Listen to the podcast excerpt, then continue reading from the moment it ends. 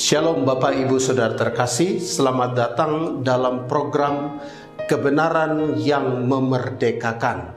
The truth shall make you free. Tanggal 9 Desember diperingati sebagai Hari Anti Korupsi Sedunia.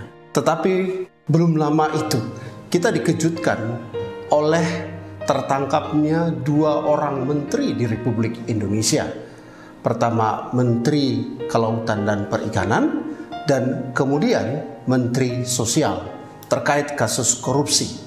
Ini sesuatu hal yang sangat menyedihkan, sesuatu hal yang membuat marah banyak orang.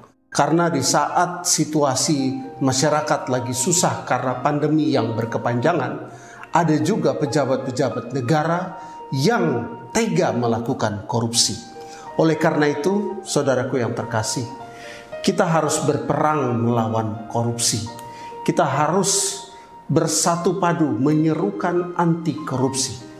Dan kita bersyukur bahwa firman Tuhan mengajari kita untuk menjadi orang yang berintegritas, orang yang anti suap, yang tidak berkompromi dengan hal-hal yang bersifat melawan hukum.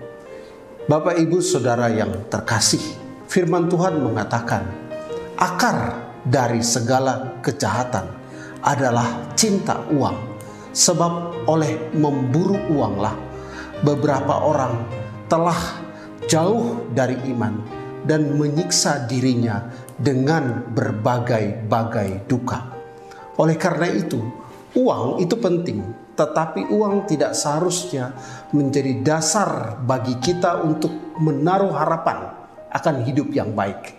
Karena hidup yang baik, hidup yang baik tidak bergantung kepada uang, tetapi kepada kemurahan Tuhan. Ini yang perlu kita tanamkan dalam hati dan pikiran kita. Firman Tuhan berkata bahwa janganlah kamu menjadi hamba uang, dan cukupkanlah dirimu dengan apa yang ada padamu.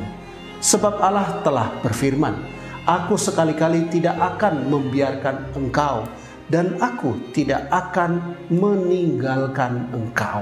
Amin. Jadi Tuhan berjanji untuk memelihara kita, untuk memasok setiap kebutuhan hidup kita seperti firman bahwa Allahku akan memenuhi segala keperluanmu menurut kekayaan dan kemuliaannya dalam Kristus Yesus.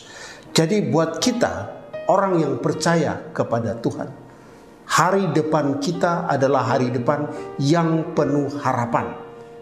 Ada harapan, ada masa depan yang baik bagi kita yang percaya kepada Tuhan. Oleh karena itu, korupsi bukanlah solusi untuk mendapatkan hidup yang baik, tetapi korupsi adalah akses menuju penjara dan berbagai-bagai sanksi sosial yang sangat membuat hidup kita menderita. Oleh karena itu, Bapak, Ibu, saudara terkasih, milikilah pergaulan, fellowship yang erat dengan Tuhan, supaya kita memiliki belief system yang benar bahwa hidup kita tergantung daripada Tuhan yang rindu memberkati kita dalam segala situasi dan kondisi yang kita punya.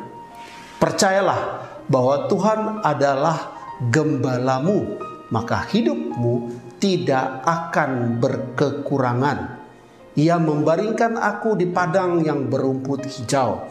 Ia membimbingku ke air yang tenang.